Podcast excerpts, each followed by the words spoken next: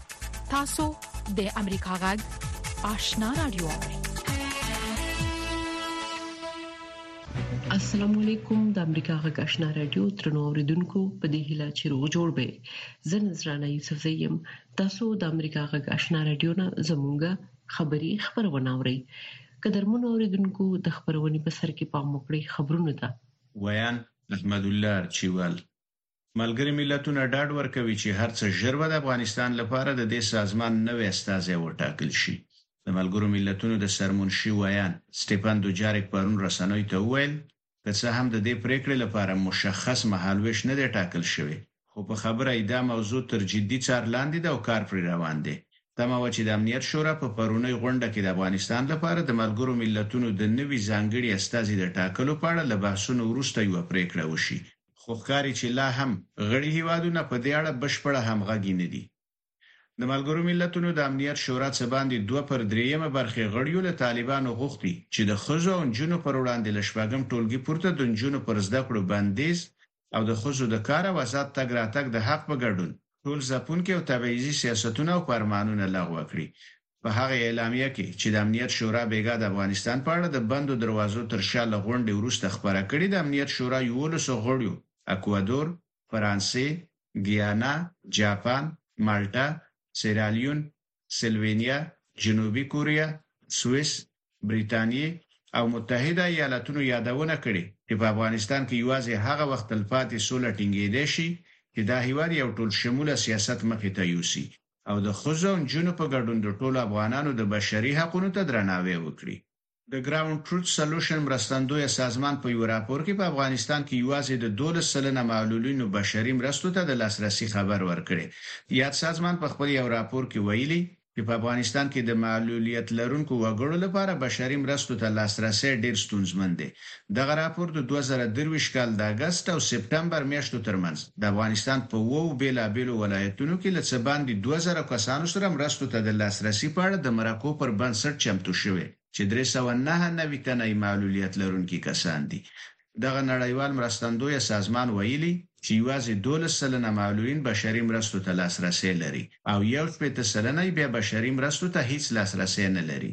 ټاکل شوې چې د امریکا د بهرنیو چارو وزیر انتوني بلینکن د افغان ښځو د اقتصادي مقاومت په نوم ایتلاف غونډې ته نن وینا وکړي. د امریکا د بهرنیو چارو وزارت د ویندوی له دفتره بېګا ناوخته په یوه خپره شوې اعلامیه کې ویل شوي چې دا غونډه نن د افغانستان په وخت ماښام په اوو بجو په بهرنیو چارو وزارت کې د بوسټن پوهنتون او د دې وزارت په ګډ کوربتوب جوړېږي.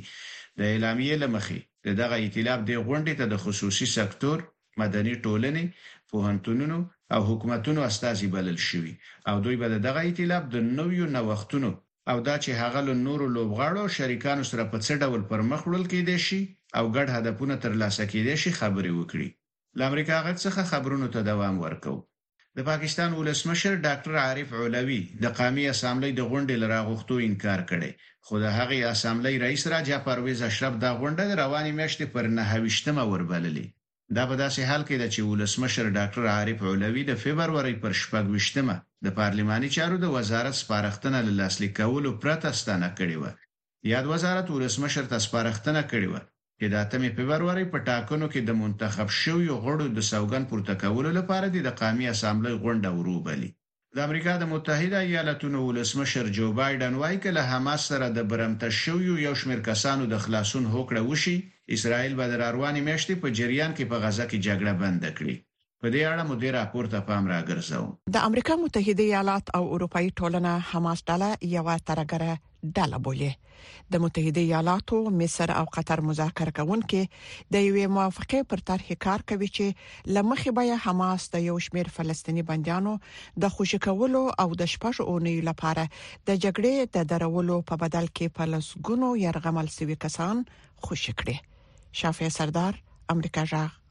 واشنگټن راپورونه وایي چې اسرایل پرون د لبنان په ختیځ کې د بعلبک خر په شاوخوا کې پر دوو اهدافو هممهاله هوایي بریدونه کړي. دوو امنیتي سرچینو له رویټرز خبري اژانس سره په خبرو کې دا خبر ورکړی. د راپورونو له مخې د دې بریدونو موخه د حزب الله اړوند یوه دوه پوړیزه ودانۍ او د دې ډلې یو وسلتون و چې په ترڅ کې یې لږ تر لږه د حزب الله دوه غړي وژل شوي د غزې په تړانګه کې د جګړې له پیل وروسته په تېرو څلور میاشتو کې دا لومړی ځل دی چې اسراییل په لبنان کې دننه اهداف په نښه کوي. د اوکراین پوځي چارواکي وايي چې نن سهار یې د روسیې له دیارلس بې پیلوټه الوتکو څخه یوولس ویشتلي او راغورځولي دي. د اوکراین هوایي ځواک نن په یوه بیان کې همداراز وویل چې د روسیې له شپږو کروز توغندیو څخه یې هم دوه له منځه وړي. د اوکراین پوځ وايي چې دا بې پیلوټه الوتکې او توغندي د خارکییف، سومي، دنپرو پتروپسک او څو نورو سیمو په پیزا کې په نښه شول. له بلې خوا د فرانسې ولسمشر ایمانویل مکرون وايي چې د اروپايي ټولنې مشرانو په خپله سرمشریزه کې د داسې یو ایتلاف پر جوړولو هوکړه کړې چې د روسیې د یرغل پر وړاندې د مقابلې لپاره اوکراین ته د منځني او اوږد واټن ویشتونکي توغندي او بمونه ورکړي. دا او د دې ساعت خبرونه چې تاسو ته په واشنګټن کې د امریکا غږ له سټوډیو وړاندې کړل. د امریکا غږ آشنا رادیو درنو اوریدونکو تاسو خبرونه واوریدل پام وکړئ زمونږه د خبرونې لومړی رپورت د طالبانو د حکومت د بهرنیو چارو وزارت سرپرست مولوی امیر خان متقی وایي چې د ترکمنستان د وزیرانو شورا د مرستیال او د بهرنیو چارو وزیر رشید مردف سره په کتنه کې د نورو مسلو سربېره د ټاپې د پروژې د عملي کېدو په لارو چارو کې هم خبرې کړي. د اقتصادي چارو ځینې کارپوهان فکر کوي چې لا هم نړیوالې مالي ادارې د دې پروژې تمویل ته لېوالتیا نه لري.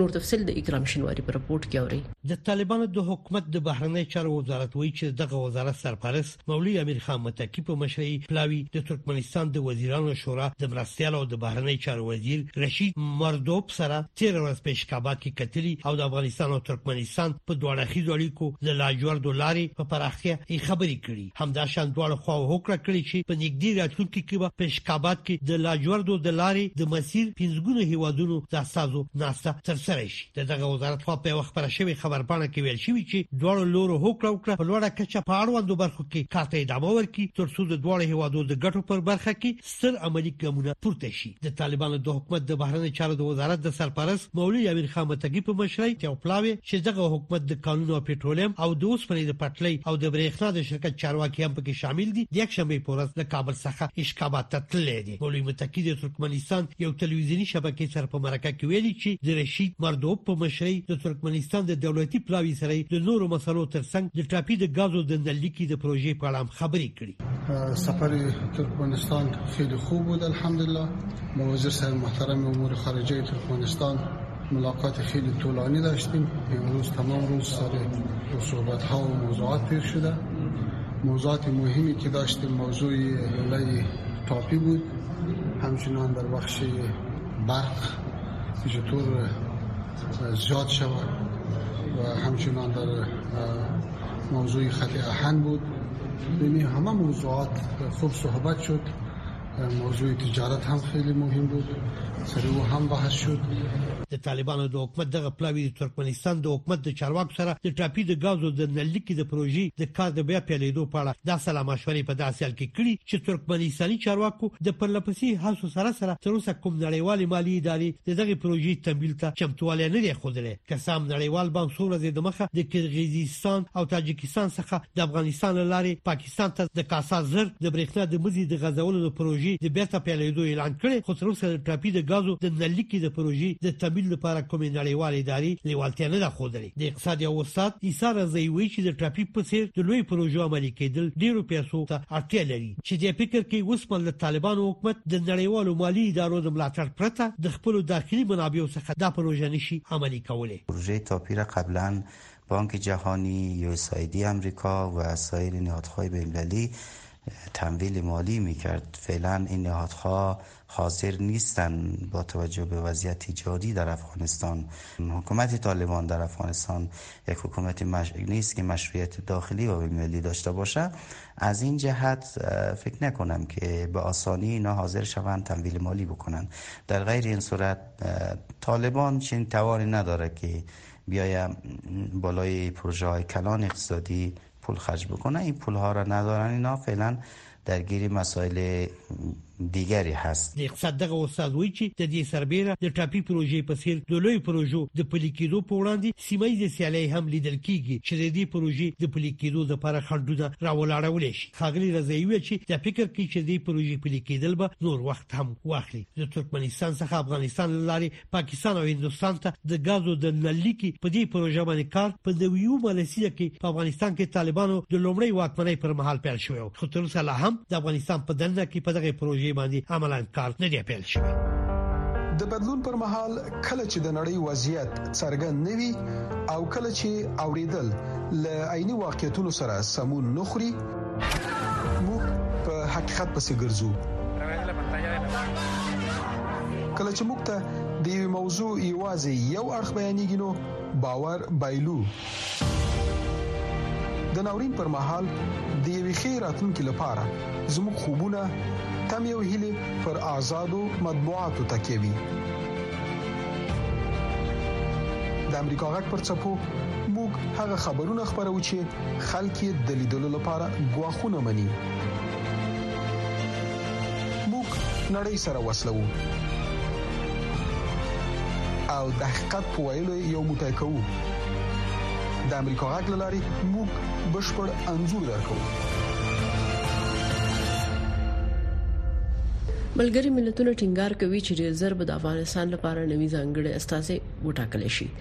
د ملګرو ملتونو ویاند سټیفن دوجاریک وایي که څه هم د دې پریکړې لپاره مشخص مهال ویش نه دی ټاکل شوی خو په وینا یې د ځانګړي استازي د ټاکلو موضوع تر جدي سار لاندې ده نور تفصيل په دې رپورت کې ملګري ملتونه ډاډ ورکوي چې ډیر ژر به د افغانستان لپاره نوې ځانګړې استازې وټاکي د ملګرو ملتونو ویاند ستيفن دوجارک وایي د ځنګړي اساس ټاکلو موضوع تر جدي بحث لاندې ده د ملګرو ملتونو لمشر څخه غوښتل شوی چې ځانګړی استاذي وټاکي دا بهیر روان دی دلته کلونه تجربه ماته خودلې چې نه باید یو مهال ویش مشخص کړم خو په یګم چې د موضوع ته جدي او ګړندۍ کتنه کیږي او په بیړه او هر څومره ژر چې وکولای شو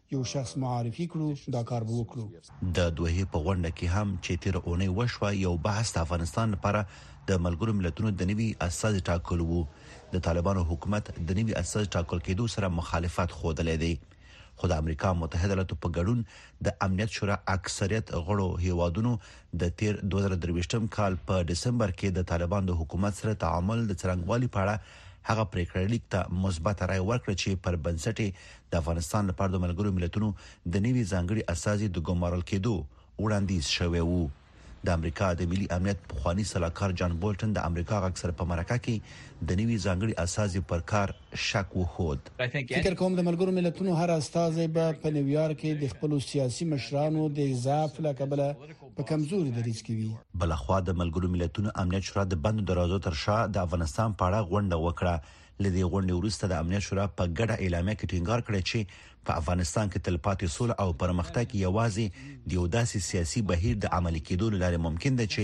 د افغانانو بشري حقوقو او د قانون واکمنۍ ته پکې درناوی وشي د امنیت شورا په افغانستان کې لنجونه او خصوصا طالبانو سیستماتیک تبعیض غندل او ترڅنګ د ټولو هغو فرمانو د لغوه کېدو غوښتنه کړې چې نجونې او ښځې له زده کړو کار سیاسي او ټولنیز مشارکت او د بیان له ازادۍ راګرځوي د افغان مرمن تاریخ د خوځښت په نوم غورځنګ وای طالبان د افغانستان نامشروع حاکمان دي او نړیوال دي د طالبانو سره د مذاکراتو پر ځای هغوی محاکمه کړي با گذشت هر روز از استحکام پایه های حکومتشان در سایه حمایت های خارجی به اطمینان بیشتری دست می‌یابند و به طبع فرامین بیشتری در راستای محدودسازی شهروندان به ویژه زنان صادر کرده و حلقه زندگی را تنگتر میسازد. ټاکل شوې د امریکا د بهرنیو چارو وزیر انټوني بلېنکن د سه شنبې په ورځ د فبرورۍ په اوویشت مه د افغانو مېرمنو د ځواکمنېدو او انعطاف منلو په نوم د دغه وزارت او د امریکا د باستون پوهنتون په ګډ نوښت غونډې ته وینا وکړي. دغه نوښت هدف افغانو مېرمنو او نجونو ته د زده کړو، کار او تشبث په برخو کې د لاسرسي ملاتړ ښودل شوی دی. وحید فیضي. د امریکا غږ امریکا یو له هغو هیوادونو څخه چې د نړۍ له ګوټ ګوټ څخه د بیلابیلو کلتورونو، دودونو، ملیتونو او ارزښتونو کوربه دی. په امریکا کې ژوند او دلته مهاجرت کول لکه د نورو هیوادونو په څیر خپلې ښېګڼې او سختۍ لري ځینې خلک په خپل هڅو او له فرصتونو په ګټې اخیستو خپل هیلو ته رسیږي خو ځینې نور بیا له ستونزو سره مخ کیږي ژوند په امریکا کې هر جمعه د افغانستان په وخت د مازیګر له شپږو نه تر شپږ نیمو بجو او د ختیځ امریکا په وخت د سهار له نه نیمو تر لسو بجو د امریکا جمهور رئیس جو بایډن ویلي چې د اسرائیل او حماس ترمنځ به ممکنه راتلونکې دوشنبه یو اوربند وشي او د روژې میاشتې تر اخره به دوام وکړي دا اوربند د یوې روغ جوړې لمخې کیږي نور تفصیل په دې رپورت کې د سې شنبې په سهار د غزې پر جنوبي څنډه رفح ښار باندې د اسرایل په هوایي برید کې د نړیدلې ودانۍ نه د ښځو او ماشومانو په شمول ډیر مړي وایستل شو د وران شوی کور یو گاونډي یاسر عفیفي د اسوشیتد پریس آژانس ته ویلي چې په ودانۍ کې څه نا څه سل کسان راټول شوي وو چې اکثریت یې ښځې او ماشومان وو. موږ له ودانۍ مړي وایستل، هغه حالت د لیدلو نه و، نه پوهېږم دا وضعیت به نور څومره دوام کوي. تاسو هم خرابۍ ته ګورئ، هلته تقریباً تر سلو ډېر کسان وو، آیا د ماشومانو او خلکو ویشتل منع نه دي؟ اسراییل خبرداری ورکړی چې په رفح سیمه کې به ځمکني عملیات نور هم پراخ کړي، داسې یو اقدام چې نړیوال یې اندېښمن کړي دي. د امریکا جمهور رئیس جو بایډن د دوشنبې په ورځ وویل چې د اسراییل او حماس ترمنځ یو اوربند ته هیله من دی چې جګړه بنده شي او د دې فرصت به برابر شي چې راتلونکې اونۍ د پاتې برمته کسانو خوشې کېدل پیل شي. زه هیله من یم چې د همدې اونۍ په پای کې پیل شي. لږ تر لږه زما د ملي امنیت سلاکار راته وايي چې موږ ورته نږدې شوي یو، ورته نږدې شوي یو خو تمام نه یو او زه راتلونکې دوشنبې ورځې ته هیله من یم موږ به یو اوربند کړی وي. خو د اسراییل د دفاع وزیر د دوشنبې پر ورځ ویل چې جګړې ته به دوام ورکړي او د اوربند عملي کېدل عملي نه دي. که هر څوک دلته په دې خیال وي چې زموږ د یوې جوړې له مخې د غزې په جنوب کې برمته شوي کسان به خوشې شي او جګړه به بنده شي او روان حالت ته په کتو هر څه به سم شي، هغوی غلط دي. موږ به جګړې ته دوام ورکړو او له دې پرته چې په جنوبي ساحه کې څه پېښېږي، جګړې ته به تر هغې زور ورکړو چې تر څو خپل هدف ته ورسیږو. دا جګړې چې د حماس ډلې له خوا د اسرائیل په جنوبي ساحو کې په بریدونو پیل شوه او یو زرو دوه سوه کسان یې چې اکثریت په کې ملکي خلک وو وژل شو او شاوخوا دوه سوه پنځوس نور یې برمته یوړل له امله ټوله غزه ویجاړه شوې ده. په غزه کې د روغتیايي چارواکو په وینا چې د ملکي خلکو او وسله والو ترمنځ توپیر نه کوي وایي نژدې دېرش زره خلک په غزه کې وژل شوي دي چې دوه پر درې یې ښځې او ماشومان دي. اسراییل بې له کوم ثبوته د لس زره وسلوالو جنګیالیو د وژلو ادعا لري. طالبانو د افغانستان له دننه د امریکا غاک راډیو خبرونه درولې دي. خو امریکا غاک په پوره ژمنتیا خپل افغان اوریدونکو ته په پښتو او دری ژبو د کره باوري او هررخیزو خبرونو په خبرولو د افغانستان له بهره په 902 کیلو هرتز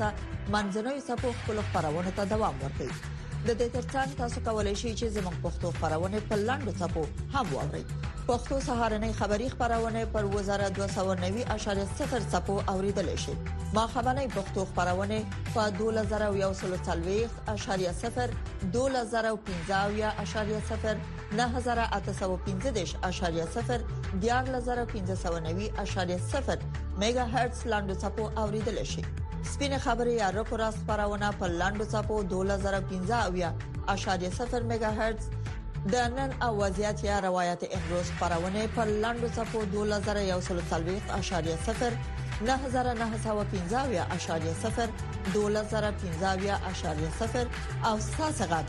یا صداي شما خبرونه پر لاندو صفو 2513.0 9315 میگا هرتز اوریدل شي په غزي کې د بشري مرستو لپاره د وی اداري ویاند رحام جعفری وایي چې تر هر څه زیات د غزي خلک یو دایمي اوربند ته ضرورت لري کله نور ماشومان مرمنې او خلک به وجل شي هغه وايي مرستندوی ادارې نشي کولای د بمباریو په جریان کې کار وکړي هغه زیاته کړه چې جګړه دوام وکړي نو د غزي خلک به په انسانيت باور وبایلي پام وکړي د هغه سرزمګ دې مرکې ته په غزه کې د ماشومان او خزو وضعیت څنګه دی دوی په دې وخت کې تر ټولو زیات څه ته اړتیا لري په غزا کې د خزو او ماشومان وضعیت ډیر بد دی د غزې د اوسیدونکو بیړنۍ اړتیا اور باندې ماشومان او خزې په بې توپیره بمباریو کې پنخ کیږي تر یو لزرو زیات ماشومان او تر وزرو زیاتې خزې وژل شوې دي او همدارنګ مونږ له 15 زرو څخه ډیر ماشومان لرو چې یتیمان شوي دي دوی اوس پراته لمور او پلار څخه ژوند کوي برسره پر دې په غزه کې هر ورځ د دوو ماشومانو پرتل انستيزي پخې یا لاسونه پرې کیږي نو دا د ماشومانو وضعیت دی په غزه کې ماشومان ډیر ځوريږي په دې برسره دوی کافي خواړه نه لري او له لوګي سره مخ دي همدغه ډول میرمنې د ډول ډول ستونزو سره هم مخ دي هر میرمن دلته د خپلې کورنۍ د غړي یا غړو د وژل کېدو نه ځوريږي یا یې ماشومان وژل شوي یا یې میړه او یا یې هم نور خپل خپلوان په غزا کې پر هر یو ساعت کې دوه میرمنې وژل کیږي او د دوو ساعتونو په وخت کې و ماشومان وژل کیږي تصور وکړئ دا شمیرې څومره لوړ دي مونږ ته د خپل سازمان د کار پاړو وای آیا تاسو توانیدلی چې په غزي کې خلکو ته خدمات وړاندې کړئ او په دې کار کې تاسو د کومو ننګونو سره مخ یئ مونږ د جګړې په پیل کې په غزه کې بیړنۍ حالت ته سمدستي ځواب ووایه او زمونږ مرستې د خوراکي توکو، بیړنۍ مرستو رسولو او ځینې کورنۍ ته د نغدي مرستو په چمتو کولو باندې تمرکز دی ترڅو دوی وکولای شي خپل توکي واخلي او خپل اړتیاوي پوره کړي او همدارنګه مونږ په سویل کې داخلي بې ځای شویو خلکو ته ګرم خواړه هم چمتو کړي دي موږ د خزو لپاره د هغوی د اساسي ضرورتونو د اړتیاو په اساس مرستې برابرې کړي او همدارنګه موږ اوس پر افا کې د بې ځای شویو په خیمو کې د خزو لپاره د خوندي ځایونو د جوړولو او د تشنابونو په جوړولو کار کوو خو دا پرلپسې بمبارۍ زموږ کار د خندونو سره مخ کړی دی اکثره وختونه موږ نشو کولای د غزې شمال ته خواړه او بشري مرستې ورسوو مونږ په شمال کې د زیګون خدماتو لپاره روغتون لرو چې دا د زیګون یوازنی روغتون دی او اوس دغه روغتون د طبي وسایلو او نورو اساسي شیانو د کمښت لامل خپل کار د دوام لپاره له ستونزو سره مخ دی څنګه چې تاسو یادونه وکړه او ملګرو ملتونو هم خبرداري ورکړې د غزي خلک د پراخ کچې قحطۍ او ناروغۍ د خطر سره مخ دي څه فکر کوي چې نړیواله ټولنه باید هم دا اوس څه وکړي ځکه چې تاسو وایي غزې ته کافي مرستې نه رسیږي. د انټرنیشنل کمیونټي د نړیواله ټولنه د نړۍ مشران نړیوال حکومتونه باید قوي اراده ولري چې پر اسرایل فشار راوړي چې نړیوال بشر دوستانه قوانینو ته درناوی وکړي او سمدستي اوربند ته ورسیږي هغه څه چې د دې وضعیت لپاره اړین دي هغه سمدستي نه پایدونکو اوربند دي او دا د دوامدار بمباریو لاندې مرستندوی کارکونکو نشي کولی حرکت وکړي او په دې حالت کې خپل کار ته دوام ورکړي نو اوس یو اوربان تر ټولو عاجله مسأله ده او بیا د غزې په شاوخوا کې د ټولو پولو پرانیستل چې د مرستو رسیدو ته اجازه ورکړي شي د رسنیو د دولتي ادارې د اټکل لمخې هر ورځ باید غزې ته د 14000 څخه زیاتې لارې د خلکو د اړتیاو د پوره کولو په مخه واستول شي خو د اوس مهال یوازې د 200 نه تر 250 لاریو پورې رسیدي چې دا کافي نه ده که جګړه دوام وکړي او که اوربند ونشي نو بیا د سپې خېدو خطر دی ډیر نور خلک به وژل شي ډیر ماشومان به د مبارۍ او قحطۍ او لوګي لامل مړ شي ډېری میرمنې به هم د دې حالت لامل د طبي پاملرنې د نشټوالي لامل وژل شي مونږ له 50 زرو څخه ډېری امیندوار میرمنې لرو چې طبي خدمات نه لري هر ورځ شاوخوا یو سل اتیا میرمنې ماشومان زیږوي او دوی په پناځایونو کې د سخت طبي حالت لاندې زیږون کوي که سمدستي اوربندونه شي ډېری سختي پایلې به ولري د میرمنو کړهونه به دوچن شي او ډېر خلک به ژوند له لاسه ورکړي مونږ به ډېر ماشومان له لاسه ورکړو او مونږ به په انسانيت باور ختم شي او د ژوند او راتلونکي امید به له لاسه ورکړي متضاد اړخونه بیلابیل دریزونه د سپیناوي تود مخامخ بحث او په اخر کې قضاوت ستاسو پر مهمو سیاسي امنیتي اقتصادي او ټولنیزو مسایلو د افغانستان سیمه او نړۍ باندې د جوړ چیډنیز بحث مهمه ونیزه خبرونه هایل د هرې جمعې په ورځ د افغانستان په وخت د ماخام ونیمونه تر اته بجو پورې د امریکا غږ د سټلایټ لاري په ژوندۍ بانه هایل د امریکا غږ د روانو چارو نوي ټلویزیونی خبرونه د متحده ایالاتو پوځ ته اړ شوی چې په خپل پیسو د یوکرين د ځواکونو روزنه وکړي دا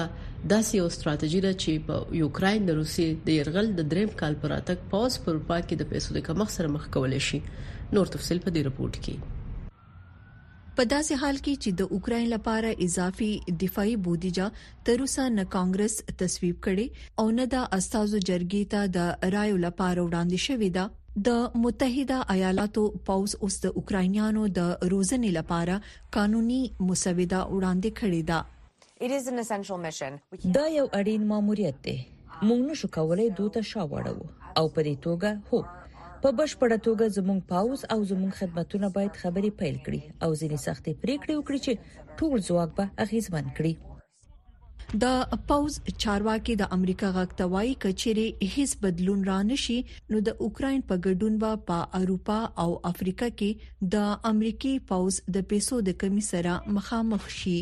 د پینټاګون د مطبوعاتو مرستياله مشره سبرینا سنگ وايي د پیسو کمی د خطر زنګونه راپورته کوي. مونږ یقینا زیان ته تیار یو. مونږ د عصري کولو توان نه لرو. مونږ نشو کولی پروګرامونه بدل کړو. دا داسې ده لکه چې شاته مو یو لاس تړل شوی وي او جګړه کوو. شنونکي د اوکراین پر ضد د روسیې جګړه لا هم د ټولې اروپا لپاره ډیره لا اغیز ډکه غني که تاسو په اروپا کې د متحده ایالاتو د ځواکونو روزنه او چمتوال ای کمول پیل کړئ نو دا د روسیې ولسمشر ولادمیر پوتین ته یو بل ډالۍ ده د اردو تجربه کار او د کانګرس په خوانې کارمند بریډ بومن وای چې دا هر سبا روسیا نور تیری ته وهڅوي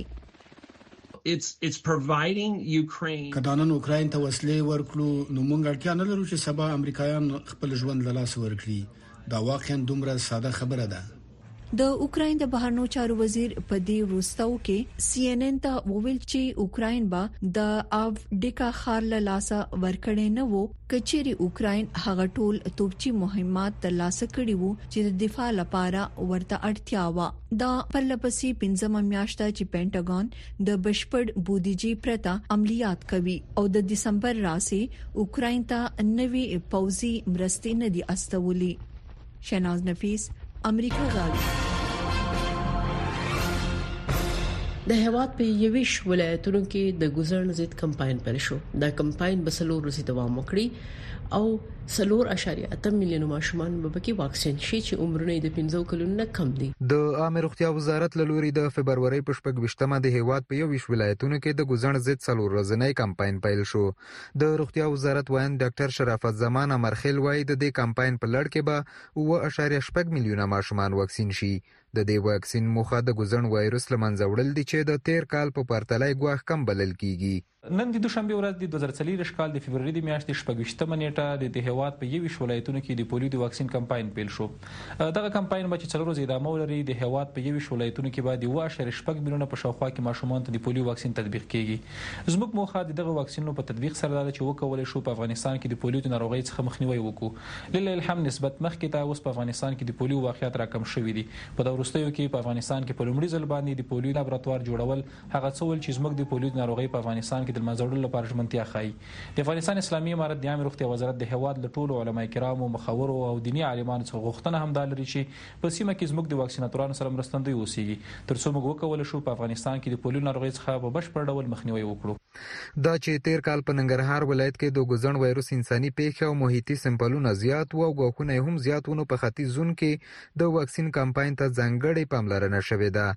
د ننګرهار عامې روغتیا رئیس مولوي امین الله شریف د کمپاین د پیل پر وخت رسنیو ته وویل په ننګرهار لغمان کونړ او نورستان کې به دیارلس نیم سوه زره ماشومان واکسین شي نن ورځ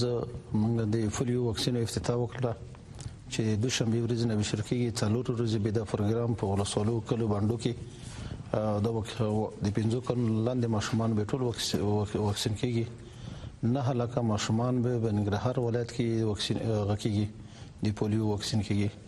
او په ټولو مشرقي حوزه کې به د لسنیم لکه ماشومان واکسین کیږي د عامه روغتیا رئیس همدارنګه زیاتوي د کمپاین له پیل وړاندې یې د واکسینولو په برخه کې د عامه ذهنیتونو په جوړولو د پام وړ کار کړی دی هغه وویل اوس د پخوا په پرتله د منکرو کورنیو شمیر کم شوی دی او کمپاین به په ښه توګه پلی شي د عامې روغتیا رئیس وایي، علما، ولسي مشرانو او د کورنیو سرپرستانو ته یې سپارښتنه کړې، څو د ګوزڼ پر ضد مبارزه کې ورسره لاس یو کړي، ترڅو هېڅ ماشوم له واکسینولو پاتې نه شي. د دغه لکۍ سپین ږیري علماوو نه ټول نه دا درخواست دی چې د واکسینو کې پوره پوره همکاري وکړي، هغه امنیتي کسان دي او که ملکي خلک دي. د مورګانو او د فلرونو نه هم دا درخواست دی چې ماشومان باید د واکسین نه پاتې نشي او واکسینو سره ولا سره پوره همکاري وکړي چې ماشومان تداوي شي او واکسین شي په پام کې دا په هغو ولایتونو کې چې په دې کمپاین کې د سړې هوا له امله له واکسین پاتې کیږي په نږدې راتلونکي کې به پکې کمپاین ترسره شي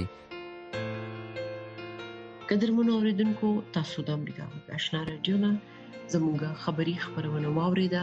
موږ تاسو نه په دې هیله اجازه غواړو چې خبرونه ویو